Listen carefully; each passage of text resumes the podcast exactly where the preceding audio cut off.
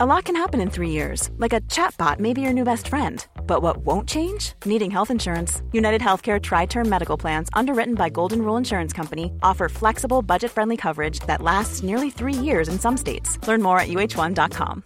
This is Paige, the co-host of Giggly Squad, and I want to tell you about a company that I've been loving, Olive and June. Olive and June gives you everything that you need for a salon quality manicure in one box. And if you break it down, it really comes out to $2 a manicure, which is absolutely insane. It's also so easy to get salon worthy nails at home with Olive and June. The difference between how your nails used to look when you did them yourself and now with the Mani system is a complete game changer. The best thing about Olive and June too is it's a quick dry. Dries in about one minute, lasts for five days, and full coverage in up to one to two coats. Visit oliveandjune.com slash perfectmani20 for 20% off your first system. That's oliveandjune.com slash perfectmani20 for 20% off your first system.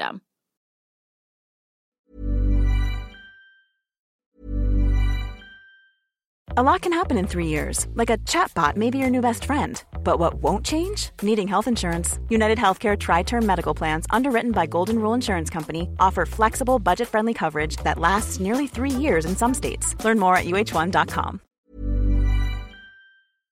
Da har vi akkurat spilt inn en ny episode Aftenpodden USA, og denne uken har vi snakket om det som jo har vist seg å være en, en gullgruve inn i det indre livet i Fox News.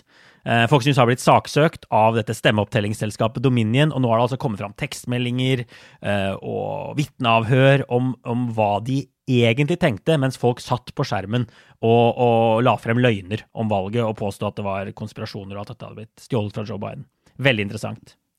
Det er veldig interessant, og noe av det er så ko-ko at du nesten ikke kan tro det du leser.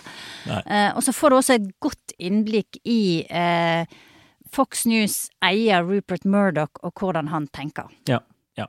Så denne kan du høre i Aftenpodden-appen eller hos Podme.